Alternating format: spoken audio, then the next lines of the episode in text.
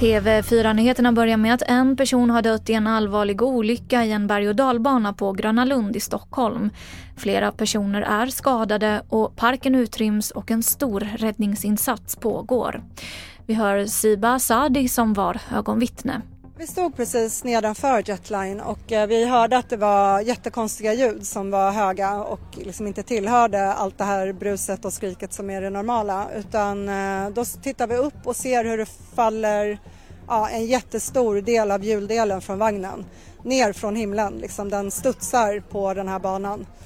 Eh, faller ner, jag tänker den här kommer hamna i folkmassan men den trillade ner i buskarna och sen så stannar vagnen och folk flyger ut, trillar ut ur vagnen. Runt hälften av de som jobbar deltid i handelsfacket vill jobba mer men får inte. Av ungefär 300 000 personer som jobbar i handeln så jobbar 200 000 deltid. Det här är ett ökande problem och de riktiga heltiderna minskar kraftigt, säger Handels ordförande. Och många män har hört av sig till den stödlinje som öppnade i februari i år och riktar sig till män som utsätts för våld i relationer. Linjen är ett pilotprojekt på ett år och inleddes då många män ringde till Kvinnofridslinjen för att få stöd.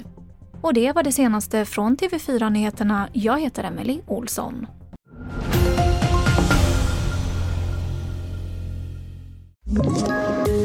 Poddtips från Podplay. I podden Något Kaiko garanterar östgötarna Brutti och jag, Davva, dig en stor dos skratt. Där följer jag pladask för köttätandet igen. Man är lite som en jävla vampyr. Man har fått lite blodsmak och då måste man ha mer. Udda spaningar, fängslande anekdoter och en och annan arg rant.